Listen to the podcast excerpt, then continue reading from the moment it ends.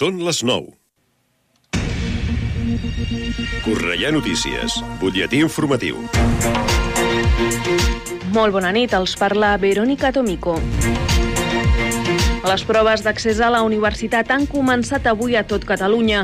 Molts estudiants cornellanencs s'enfronten durant aquests tres dies a un espau que està previst que canviïn de format a partir de l'any que ve. Els resultats d'aquests exàmens es faran públics per als estudiants el proper 22 de juny al portal d'accés a la universitat. L'agrupació sardanista participa en moltes de les activitats previstes durant la festa major, des del ball cerimonial de la Liga just abans del pregó, el cor de foc, el populari, el correfoc infantil o la ballada de l'esbart, entre d'altres. La festa major aplega més de 170 activitats organitzades per l'Ajuntament de Cornellà i per les entitats del municipi que s'adrecen a tots els públics i que estaran repartides per tots els barris. A més, aquest corpus és més inclusiu que mai. Hi haurà espais que prioritzaran el silenci i la tranquil·litat de l'entorn per garantir el gaudi de nens i nenes amb hipersensibilitat o trastorn de l'espectre autista. El pregó de demà també serà retransmès en llengua de signes. A més, es mantenen els punts liles per garantir garantir una festa lliure de violència masclista i LGTBI-fòbia i estarà disponible novament el servei especial de bus per facilitar la mobilitat segura i gratuïta. I al marc de l'agenda del Corpus destaquen les activitats a les residències i els casals per a la gent gran. A més, s'ha inaugurat la mostra de pintura de Maria Pilar Gómez de Miguel al Castell i també l'exposició amb les fotografies guanyadores i finalistes del concurs amateur de Medi Ambient que es podrà visitar a la sala Raimon Llor de la Biblioteca Central fins al dia 30 de juliol. Fins aquí aquest butlletí informatiu. Poden seguir informats de l'actualitat de la nostra ciutat al Cornellà Notícies de la una del migdia, als butlletins horaris i a l'app i la web de Ràdio Cornellà. També trobaran les darreres actualitzacions i notícies al radiocornellà.cat i a les xarxes socials de la ràdio, Twitter, Facebook i Instagram. Ara el temps. Connectem amb l'Agència Estatal de Meteorologia. Bona nit. La jornada de demà dijous a Catalunya serà de cel variable en general, però s'anirà incrementant la nuvolositat. Al matí, amb núvols baixos i boirines a punts de la depressió central, sense descartar bancs de boira, i a partir de migdia, probabilitat de ruixats al Pirineu i també al Ter Sud. A la resta, xàfecs dispersos, encara que amb baixa probabilitat. Les temperatures sense gaires canvis, arribarem a màximes de 30 graus a Lleida, 28 a Girona, 26 a Barcelona i 25 a Tarragona, i les mínimes de 20 a Barcelona, 17 a Tarragona, 16 a Girona i 15 a Lleida. El vent serà de sud, moderat a l'est de Girona i fluix a la resta. És una informació de l'Agència Estatal de Meteorologia. L'informació de Cornellà. Més a prop, impossible. Cornellà celebra la Festa Major del Corpus, del 8 a l'11 de juny. Més de 170 activitats culturals, musicals, espectacles infantils, concerts, esports, humor i tradicions per a grans i petits. Enguany les festes comptaran amb autobusos especials en parada a demanda durant la nit per facilitar la mobilitat dels ciutadans. A més, com sempre, els punts liles vetllaran perquè siguin unes festes igualitàries i lliures de masclismes i LGTBI-fòbia. Consulta tota la programació a cornellà.cat. Ajuntament de Cornellà. 104.6 Ràdio Cornellà.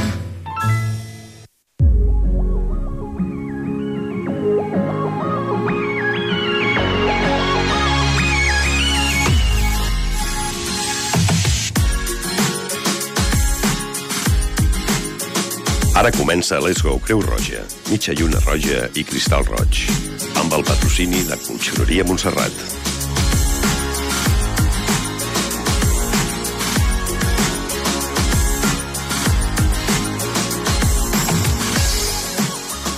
21 hores 4 minuts, eh, tornem de nou, un nou dimecres, avui molt ben acompanyats, però ben acompanyats, totalment acompanyats. Nora Bacari, bona nit. Bona nit.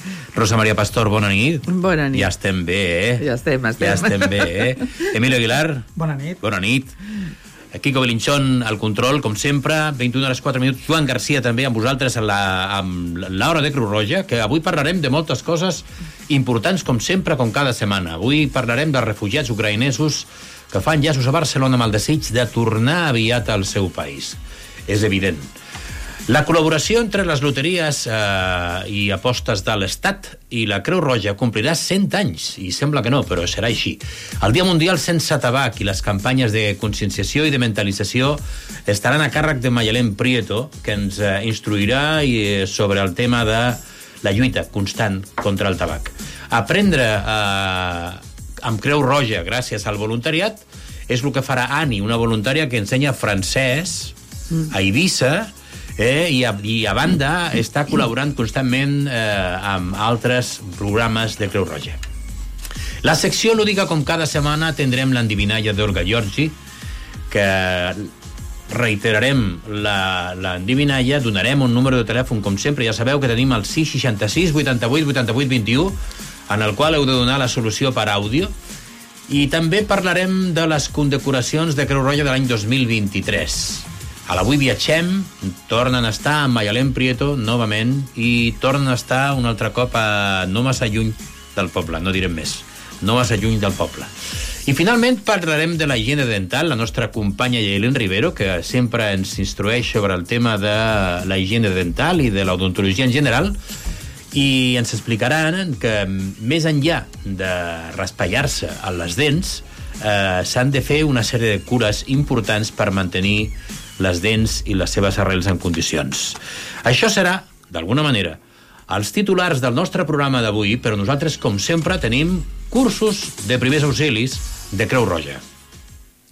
No te imaginas lo valioso que es un gesto en tu empresa. Una sonrisa que motiva, una señal de ok que orienta, una compresión en el pecho que recupera una parada cardiorrespiratoria.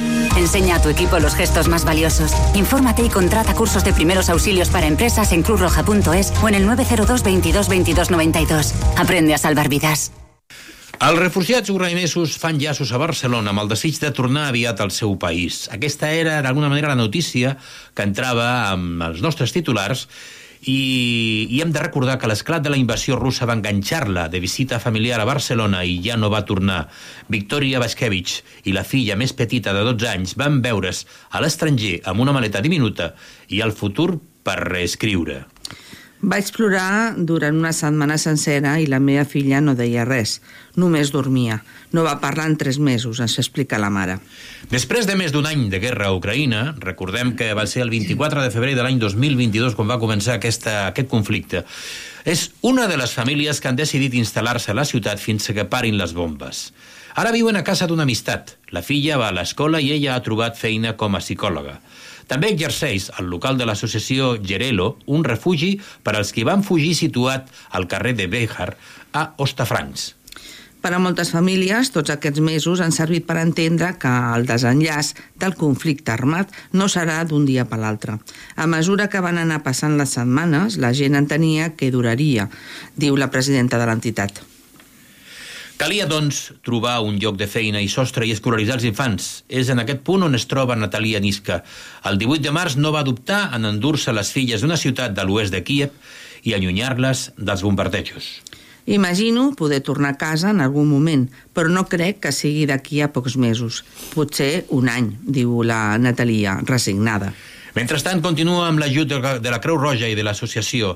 A la seu d'Ostafrans fan de tot, tallers, suports burocràtics i psicològics, cursos, servei de guarderia, perquè les famílies de Barreres se'n troben, com a l'idioma i les dificultats per llogar pis a la ciutat. De fet, l'entitat Gerelo manté un punt d'ajut humanitari ara en trasllat. Fins aquest divendres repartien menjar i productes per a bebès a la Via Laietana, però a partir de dilluns estaran al Parc i la Llacuna de Poblenou.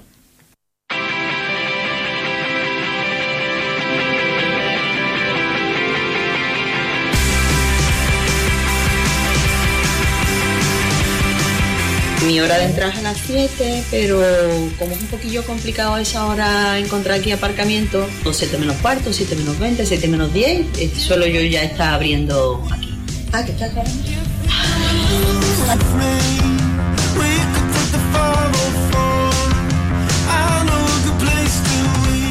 Mi tarea principal eh, de entrada es las puertas, desactivar alarmas, los sistemas de luces, por intervención social, hago el recorrido del departamento de adicciones.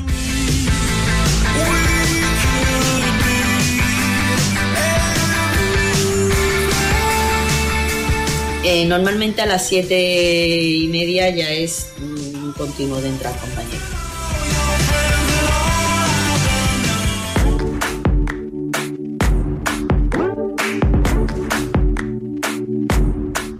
Programas Refugiados es un servicio multidisciplinar ¿no? de distintas actividades que se prestan al solicitante de asilo, ¿no? a la persona que llega a nuestro país pues, en busca de protección. Hoy en día tenemos abogados eh, voluntarios, tenemos psicólogas voluntarias, educadores, trabajadores sociales. Actualmente también tenemos el servicio de clases de español y aprendizaje del idioma que nos permite bueno, pues, ese primer paso que para personas no hispanohablantes de, de poder mostrarles lo que sería la importancia de, hablar la lengua para relacionarse y obtener un lenguaje que sea el, adecuado para, para el día de mañana, cuando ya vayan solos, pues poder desenvolverse con, soltura. Si yo estoy en el barco, mirando la proa, hacia acá, babor y estribor. Luego hay una I. Luego hay una M. Simón. Y cuando te dedicas a la enseñanza, lo que más puedes agradecer desde el lado del docente es el interés. Y aquí interés nos falta, porque necesitan, ese interés por necesidad. Eh, y luego, bueno, pues también evidentemente todo lo que conlleva, pues, hacer una labor social, ¿no? Que es gratificante, yo creo que para todo el mundo. Si encima lo puedes hacer con tu propia profesión, pues imagínate. Es maravilloso. Sabes que para abrir la puerta donde alguien se encuentra, tienes que aprender la lengua. Porque si no puedes comunicar con la gente, tú no puedes hacer nada. Bueno, y hoy hablaremos con la colaboración entre Loterías y Apuestas del Estrado y Cruz Roja, que cumplirá 100 años. La colaboración de Loterías con Cruz Roja ayuda a más de un millón de personas al año, mayores, jóvenes, mujeres o refugiados. El sorteo repartió un total de 105 millones de euros en premios y se celebró el pasado 3 de junio.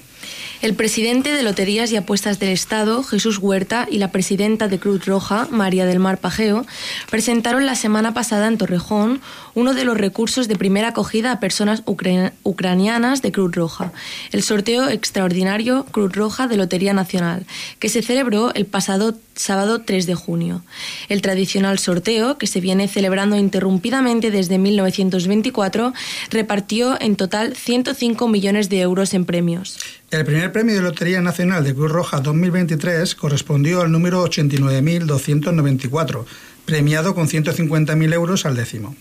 El segundo premio del sorteo de la Cruz Roja de Lotería Nacional es para el número 37.730, dotado con 30.000 euros al décimo.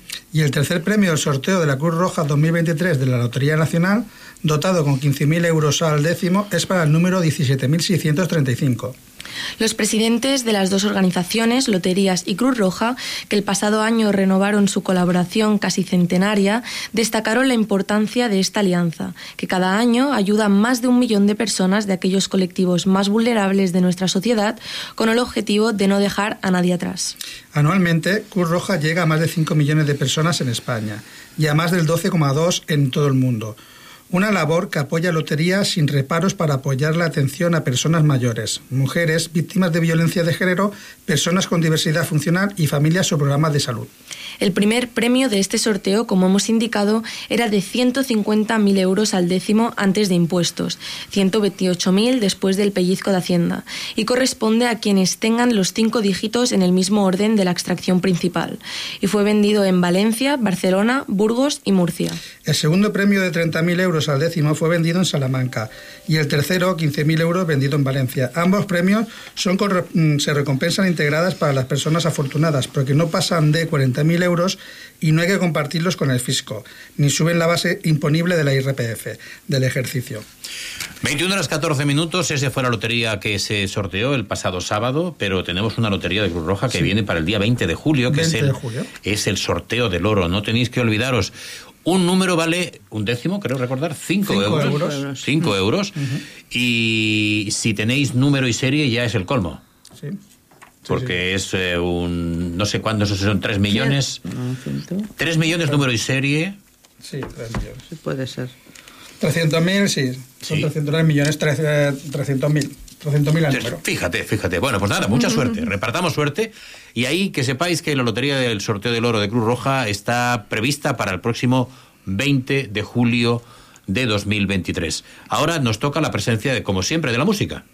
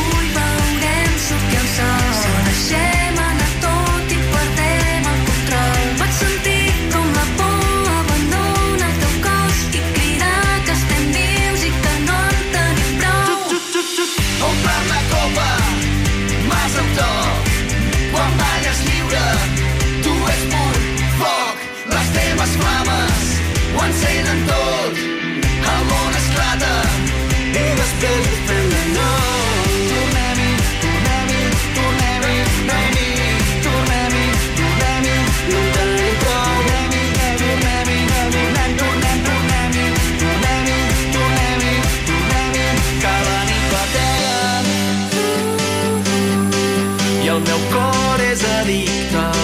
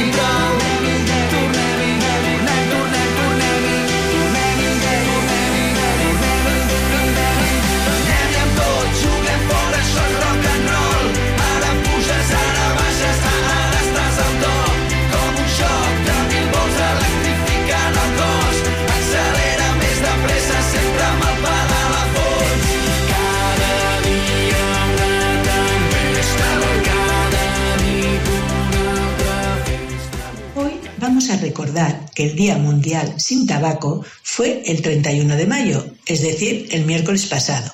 Y por consiguiente vamos a tocar un poco este tema. La Asamblea Mundial de la Salud instituyó el Día Mundial sin Tabaco en 1987 para llamar la atención mundial hacia la epidemia de tabaquismo y sus efectos letales. La celebración de este día es una oportunidad para difundir mensajes que guarden relación con el control del tabaco. El consumo de tabaco es una de las principales epidemias a la que se enfrenta la comunidad sanitaria. El objetivo primordial del Día Mundial sin Tabaco consiste en señalar los riesgos que supone el consumo de tabaco para la salud y fomentar políticas eficaces de reducción de dicho consumo. La estrategia M-Power de la Organización Mundial de la Salud consiste en monitorizar el consumo del tabaco y la política de prevención, con la finalidad de proteger a la población del humo ambiental del tabaco, ofrecer ayuda para dejar el tabaco, advertir de los peligros del tabaco, hacer cumplir las prohibiciones sobre publicidad, promoción y patrocinio del tabaco y aumentar los impuestos al tabaco. El Día Mundial sin Tabaco en 2023 introduce el siguiente eslogan. Cultivemos alimentos, no tabaco.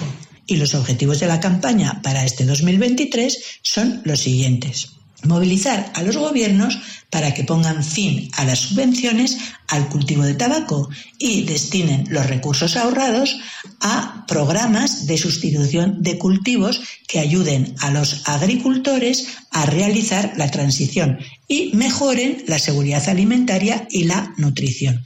Concienciar a las comunidades dedicadas al cultivo de tabaco sobre las ventajas de abandonar el tabaco y dedicarse a cultivos sostenibles. Apoyar la lucha contra la desertificación y la degradación del medio ambiente mediante la reducción del cultivo de tabaco.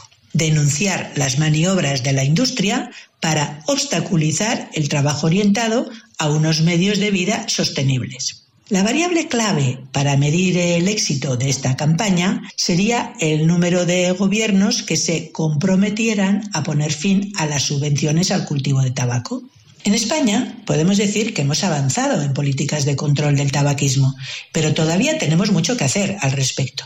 El primer Real Decreto antitabaco de nuestro país entró en vigor el 1 de enero de 1988 y supuso un avance considerable en el control del tabaco.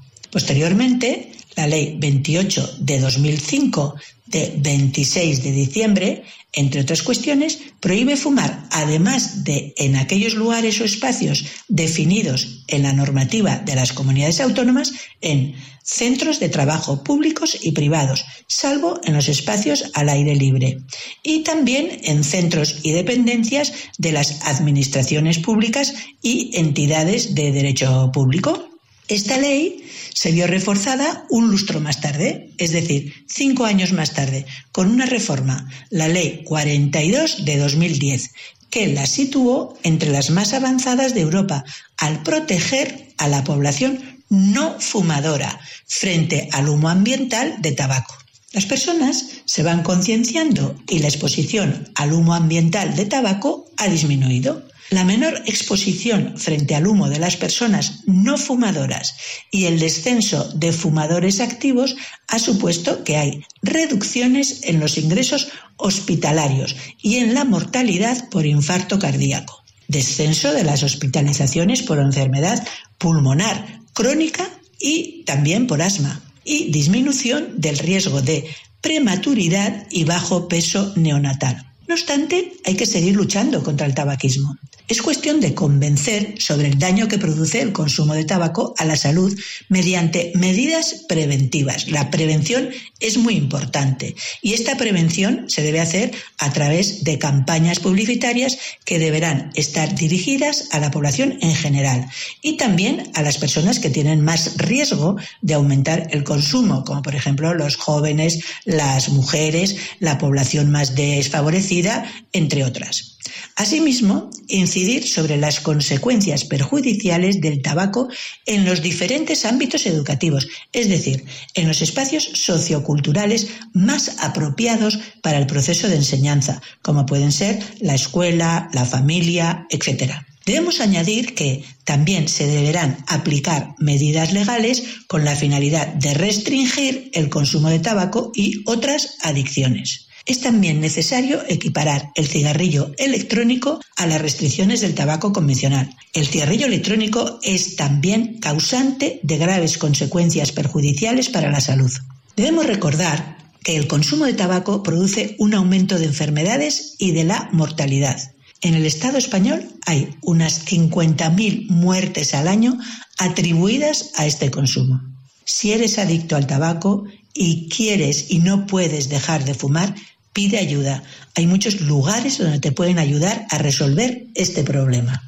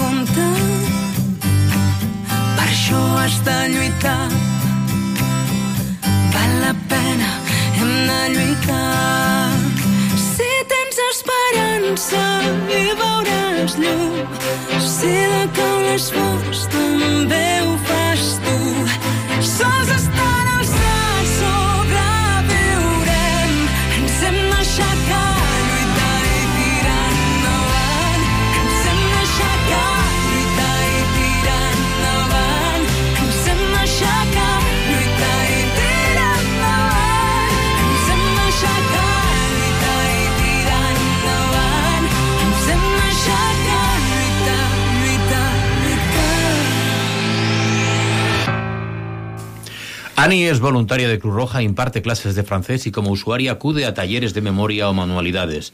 No dudó ni un segundo cuando le preguntaron a Ani si le gustaría dar apoyo al profesor voluntario para impartir clases de francés dirigidas a personas mayores. Dijo que sí inmediatamente. Desde entonces forman un tándem perfecto en el que Ani ayuda a preparar el temario con el profesor y apoyar a sus compañeras alumnas durante la clase.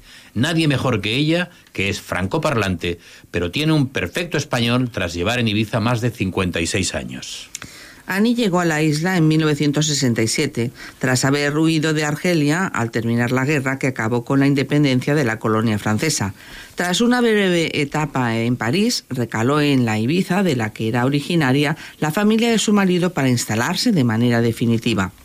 La guerra de la independencia de Argelia la sorprendió con tan solo 13 años y a día de hoy la recuerda con total claridad. Con la llegada de la guerra los tiroteos, los tanques y el toque de queda a las 9 de la noche eran demasiado habituales. Nos pusimos tanto a la orden del día que llegamos a acostumbrarnos a tirarnos al suelo en cuanto comenzaban los tiroteos en plena calle. Y aunque nos acostumbramos, reconozco que había mucho miedo, afirmaba.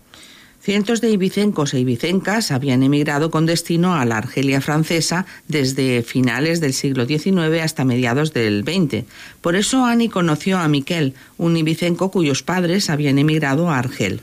Había mucha gente de las islas e íbamos al colegio juntos y todo eso. Era muy normal. Cuando era pequeña en Argel, la sobrasada era algo normal a la hora de la merienda, confiesa. Una vez casados y tras huir a París, ciudad que no les acaba de convencer, ya la echaban de men ya que echaban de menos al mar, se fueron a Ibiza de vacaciones. Lo primero que vi al llegar fue Dalvila, todo blanco, y me recordó a Casha de Argel. Me impactó tanto que no querían ni bajar del barco, recuerda Annie emocionada. Una imagen que no olvida y que se funde con la llegada de sus hijos, dos nacidos en París y una nacida en Ibiza.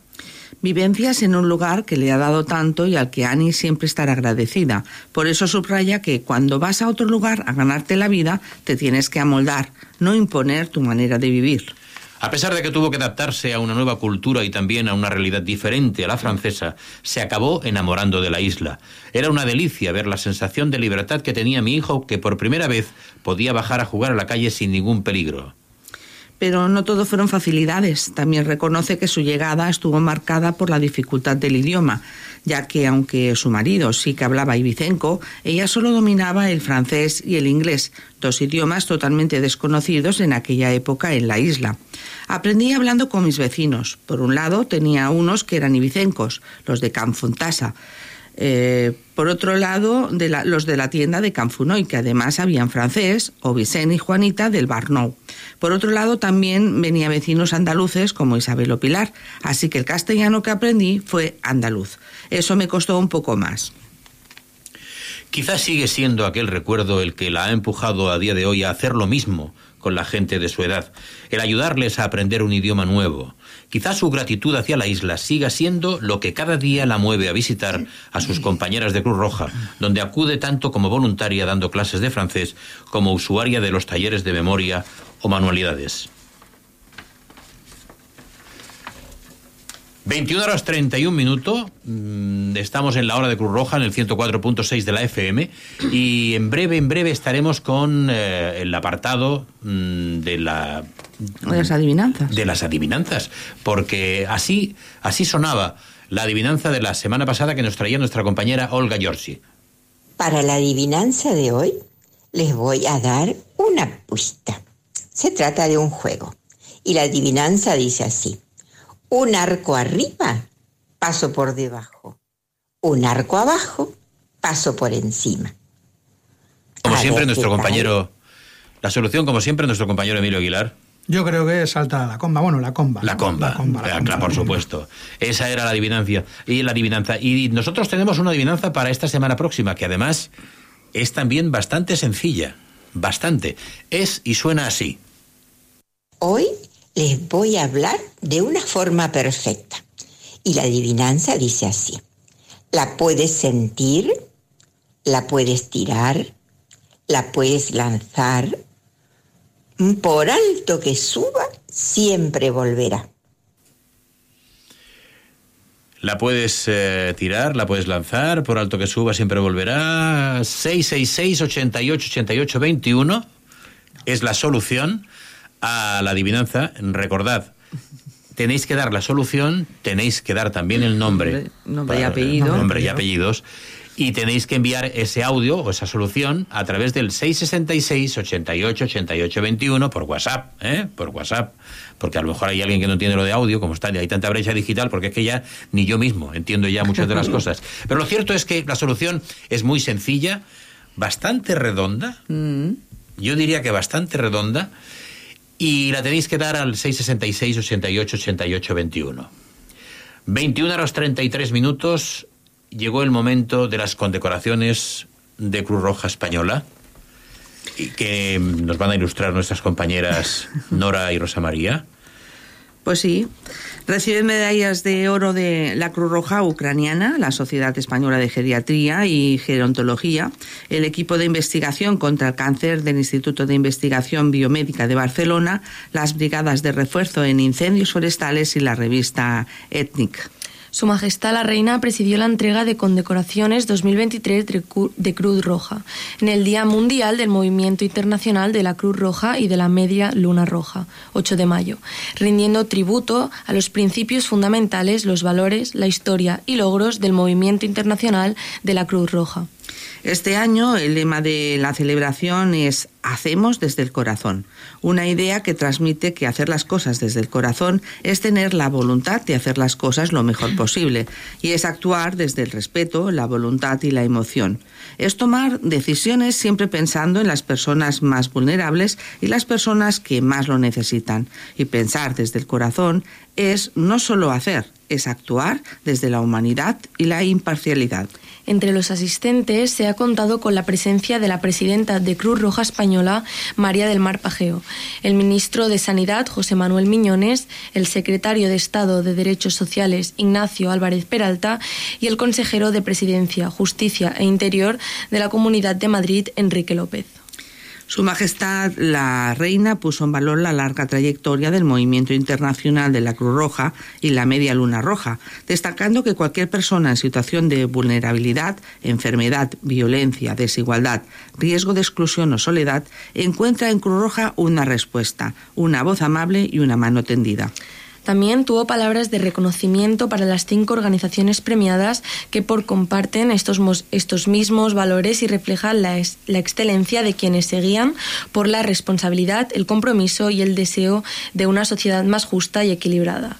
La reina finalizó su intervención recalcando que detrás de Cruz Roja hay un enorme esfuerzo de independencia, humanidad e imparcialidad destinado a cualquier persona que lo necesite, porque todos en cualquier momento podemos necesitar ayuda.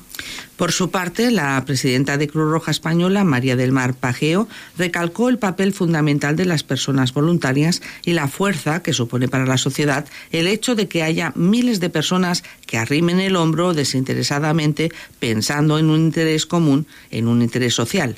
En su intervención recordó que humanidad y voluntariado representan el núcleo de Cruz Roja, lo que no ha cambiado en más de 160 años de historia y sigue formando parte de nuestro presente y nuestro futuro. También señaló que en este futuro inmediato Cruz Roja se compromete nuevamente a trabajar por las personas, impulsando iniciativas que luchen contra la soledad, prevengan el aislamiento y ofrezcan alternativas a la institu- institucionalización sin dejar a nadie atrás.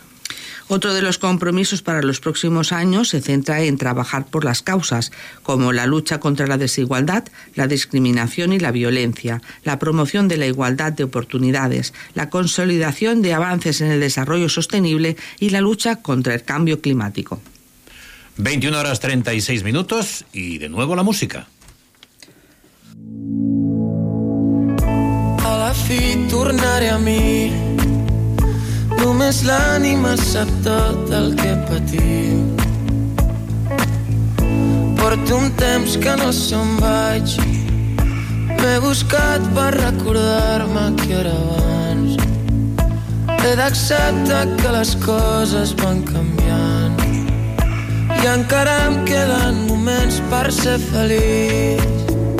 Ja no espero, ja no espero, Κάνουμε δουλειά ρούχ, κάνουμε δουλειά ρούχ, κάνουμε δουλειά ρούχ, κάνουμε δουλειά ρούχ.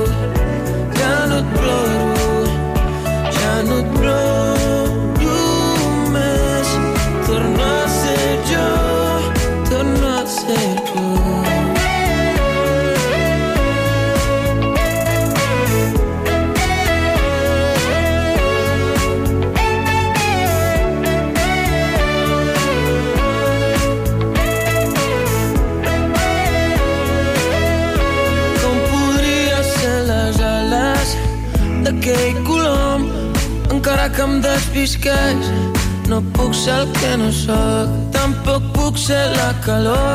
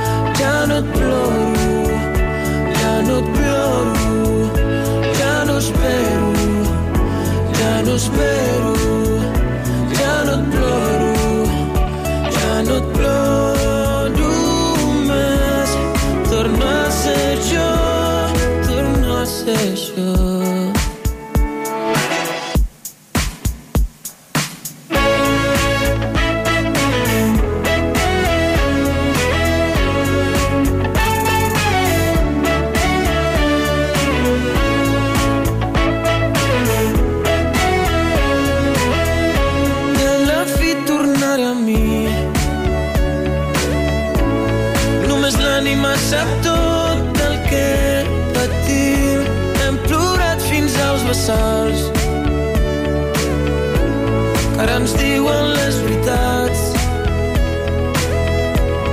Quan tanquis els ulls en el teu respirar sincer no podràs ser qui no ets no podràs ser qui no ets i quan tanquis els ulls en el teu respirar sincer no podràs ser qui no ets podràs ser qui no ets i quan tanquis els ulls en el teu respirar sincer no podràs ser qui no ets no podràs ser qui no ets torna a ser tu. Torno a ser tu Como decíamos, 7 de junio de 2023, es miércoles, estamos casi a punto de entrar en la fiesta mayor, en la fiesta del Corpus, un montón de actividades que tenemos. Nuestro compañero Emilio Aguilar, que nos iba a ilustrar, pero dice que ya no se acuerda de muchas Ya no de ellas. de. Porque no se acuerda de la mitad. Mañana pero bueno. empezamos metiéndole fuego a Cornellá con los correfots. Exactamente. Es importante. Exactamente, y además mañana todo, también se lleva a cabo la reunión de entidades, el pregón. ¿eh? Hay actuaciones el viernes por la tarde y por la noche, creo, en la Plaza Cataluña. El tor, el tor de Cor también se celebra en allá por la avenida del Baixo Bregat, creo recordar. Este año lo hacen en las aguas, sí, en el campo de las aguas, sí, sí, correcto. Y, y bueno, hay, hay un montón de actividades y de conciertos y de fiesta y de alegría. campeonato de parchís. Campeonato de parchís. Sí, señor. Esto no nos lo podemos perder. En pareja, sí, sí, curioso, sí, sí. Efectivamente, pues esto es la fiesta, el ambiente festivo que estamos viviendo ya prácticamente mm, en, en- en casi horas, que estaremos ya tocando de pleno. el- y lo, lo importante es que se disfrute de las fiestas, lo importante es que se disfrute con los amigos, la familia, etcétera, etcétera, y se compartan. Nosotros tenemos la obligación de continuar con el programa, porque además hoy tenemos una noticia importante, tan importante como que forma parte de la... De, ah, es verdad, me, me avisa mi compañero que nos estamos dejando el hoy viajamos. Es verdad, es verdad. Hay que ver, el ambiente festivo no te lleva, ¿eh? Te hace volar la imaginación Sí, y sí. automáticamente el, el ambiente. Pues decíamos que teníamos nosotros una, una sección en el programa que es el hoy viajamos y es que consiste en que el oyente acierte exactamente al punto geográfico, el lugar donde nos quiere llevar nuestra compañera Mayalén Prieto. La semana anterior nos llevó a un punto geográfico que vamos a recordar y que decía algo así. Hoy os vamos a llevar a las más completas e interesantes ruinas de la antigüedad en la península ibérica. Datan del siglo V Cristo y las encontramos aquí en Cataluña. Son de origen griego y se fundaron en el año 575 antes de Cristo por colonos griegos de Focea como enclave comercial en el Mediterráneo. Años más tarde fue ocupada por los romanos pero la urbe resultó abandonada en la Alta Edad Media. Debido a su situación en la ruta comercial entre las ciudades de Masalia, actual Marsella, y Tartesos, que era el nombre eh, con el que los griegos conocían a la primera civilización de Occidente situada en el suroeste de la península ibérica, la ciudad a la que nos referimos se convirtió en ese momento en un gran centro económico y comercial, además de en la mayor colonia griega de toda la península ibérica. Durante las guerras púnicas que enfrentaron a Roma y Cartago, se alió con la primera. De hecho, Publio Cornelio Escipión inició la conquista de Hispania desde esta ciudad en 218 a.C.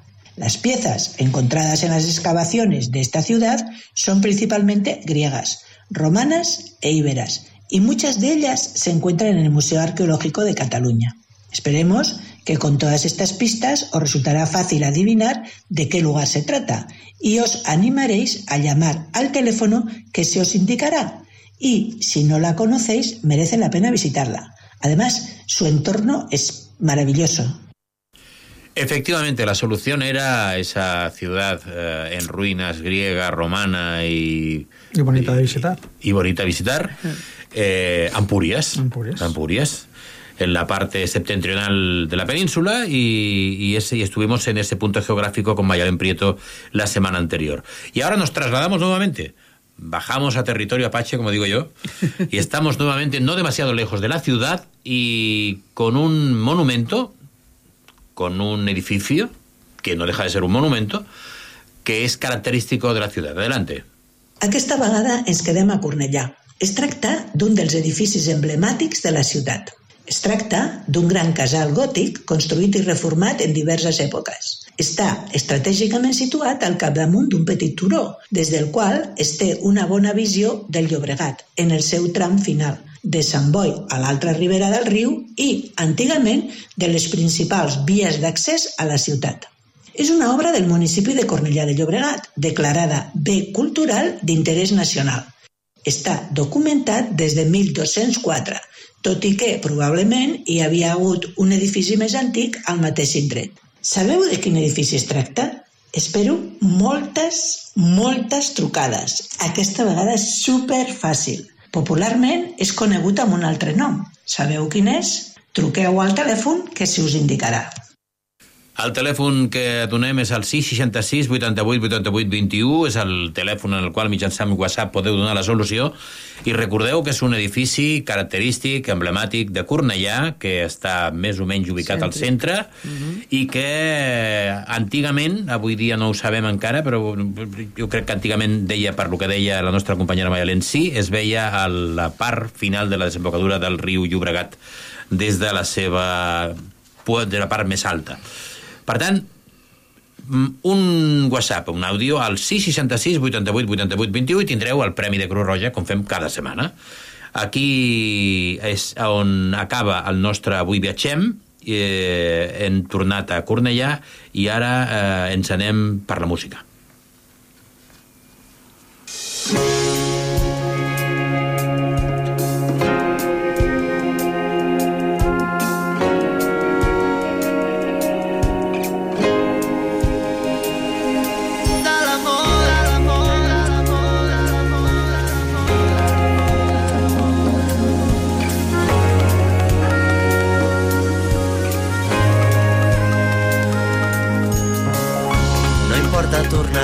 intentar. És la dura realitat, però no podrà amb mi i m'obriré camí. Se'm farà difícil d'entendre que amb el temps ja no ens voldrem veure. Ens hem estat acompanyant, però cada cop som més distants. Oh, creus en la vida després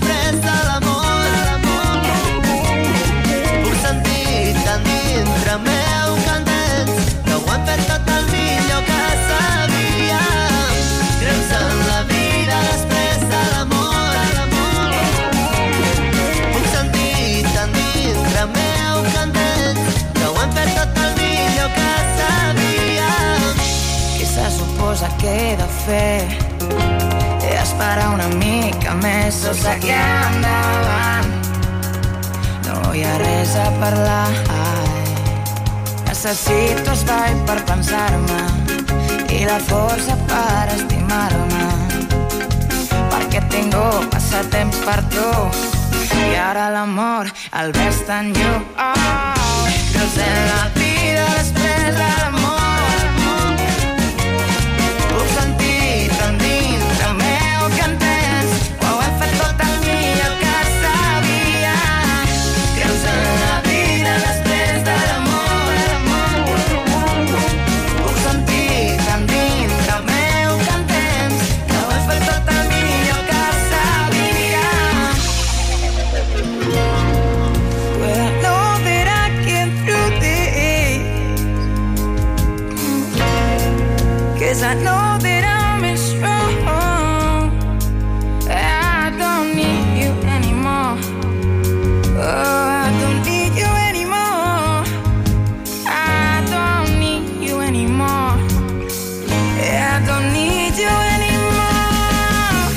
Anymore. Creus en la vida després de l'amor? Puc sentir tan dintre meu que entens que ho hem fet tot el millor que sabíem. Creus en la vida després de l'amor? Puc sentir tan dintre meu que entens que ho hem fet tot el millor que Bueno, y hoy hablaremos sobre la higiene dental, sobre los errores habituales más allá de cepillarse los dientes mal. Hay un riesgo en nuestra higiene dental y en nuestra salud oral más que el cotidiano al que nos solemos dar importancia. Pensar que como cepillarse los dientes está todo hecho es un error. Aunque hemos aprendido mucho sobre lo cómo cuidarnos los dientes y de la relevancia de estos, no solo para tareas tan elementales como comer, sino por las enfermedades que llevan emparejadas, siguiendo habiendo errores aún y que cometemos habitualmente. No hablemos ya de no cepillarse los dientes. Damos por sentado que esto es de primero de higiene dental o de evitar ciertos alimentos o productos que son magníficos enemigos de nuestra salud oral, como pueden ser los dulces, los productos azucarados, las bebidas carbonatadas, el alcohol o el café. No todo ha de ser líquidos y no todos nos perjudican por el mismo camino, pues algunos serán causantes de los dientes manchados y otros serán elementos cariogénicos de primer orden. Lo que sí les iguala es que su mala higiene dental, además de ser un riesgo para la salud más allá de lo meramente oral, está teñido de una infinidad de patologías a las que hay que poner freno. Nombres como gingivitis, sarro, periodontitis, caída de piezas, caries, xerostomía, sequedad en la boca o mal aliento, halitosis, forman parte de esa alienación inicial eh, que lastra nuestra higiene dental. Y como incidimos, no todo se soluciona con cepillarse los dientes. Además, no solo se trata de que el cepillo no sea la única herramienta, sino de cómo utilizamos el resto de herramientas. Hay nombres que han ido abriéndose igual paso en nuestros armarios del baño, como la seda dental, los colutorios, los cepillos intradentales, los raspadores de lengua o los irrigadores bucales. Sabemos que hay una colección de ellos importantes y no siempre cabrán todos en nuestro lavabo, pero hay que intentarlo. Así que hablemos de higiene dental y de los enemigos cotidianos de la salud oral.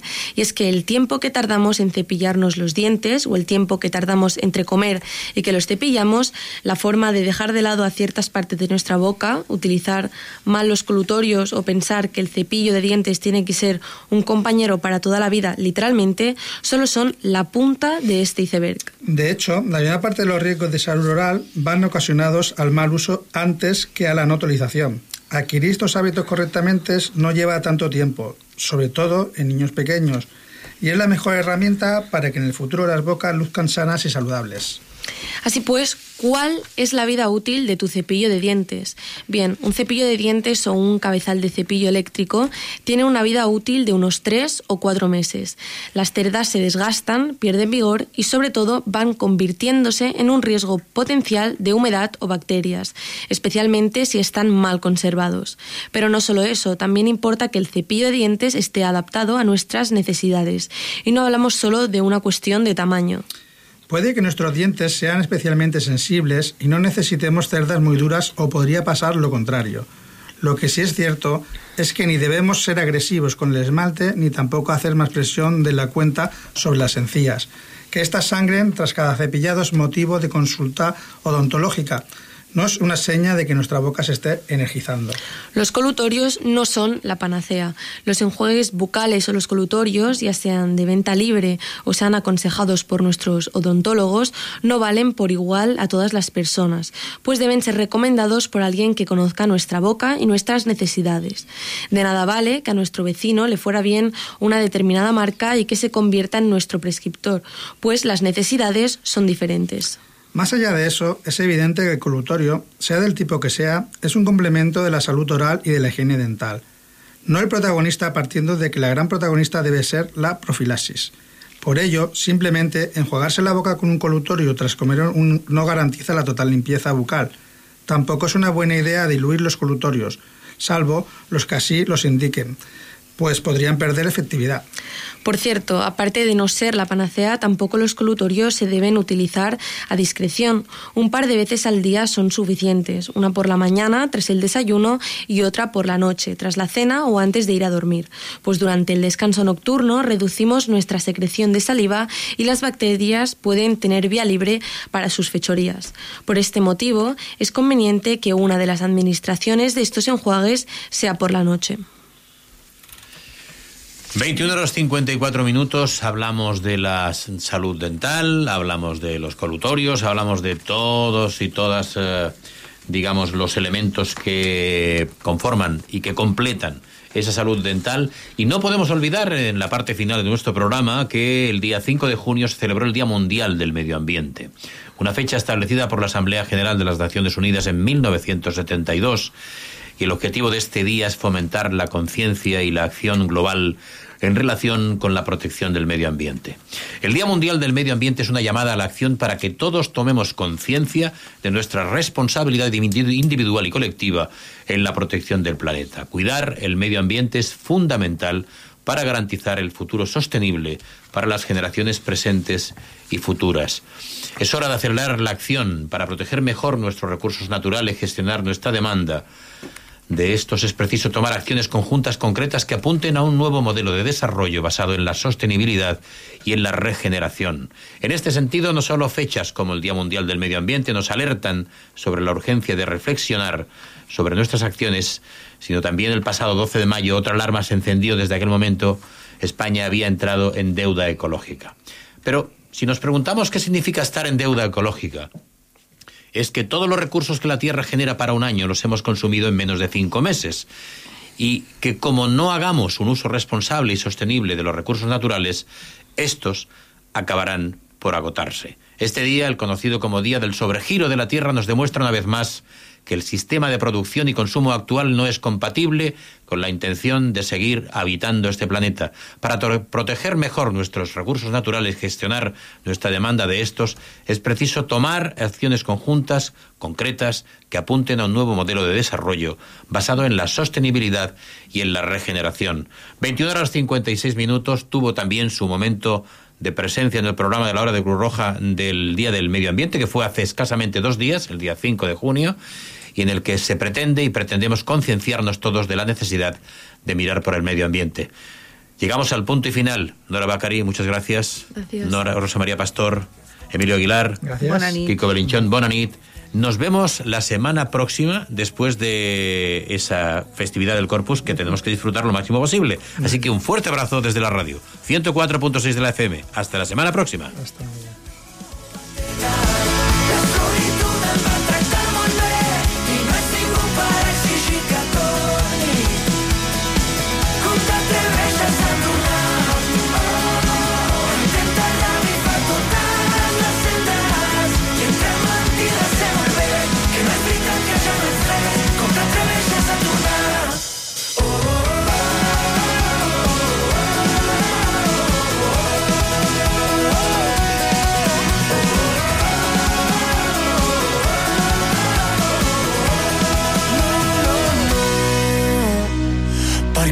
tornes i te n'aniràs. Tantes mentides que al final confonen. Mai vaig ser bo per poder distingir. Per molt que ho negui, sempre me les menjo. Quatre vides em signaves. Tres t'odio i un t'estimo. Dos consells jo vull donar-te. Prefereixo acobardar-me que oblidar-te així d'entrada. Sento rumors de tu que diuen rumors de tu que diuen que el vent és l'única que escolta el vent és l'única que escolta mateix que no hi va fer falta per aixecar la faldilla quan a tu et convenia. Com t'atreveixes a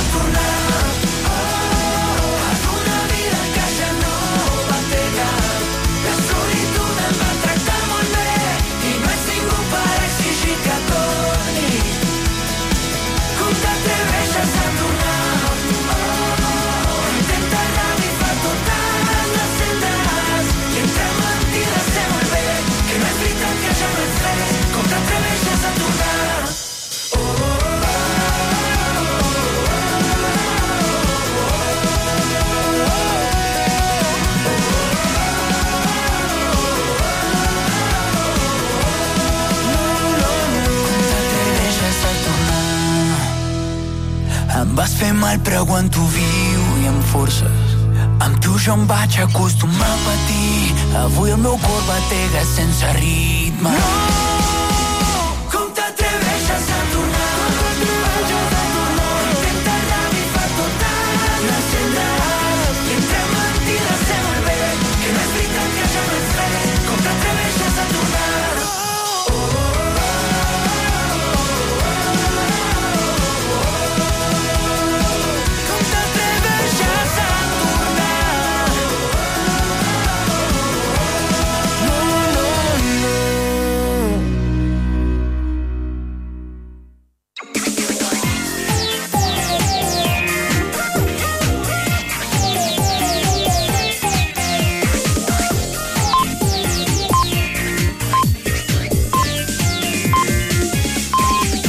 Són les 10. Correia Notícies, butlletí informatiu. Molt bona nit, els parla Verónica Tomico. Les proves d'accés a la universitat han començat avui a tot Catalunya. Molts estudiants cornellanencs s'enfronten durant aquests tres dies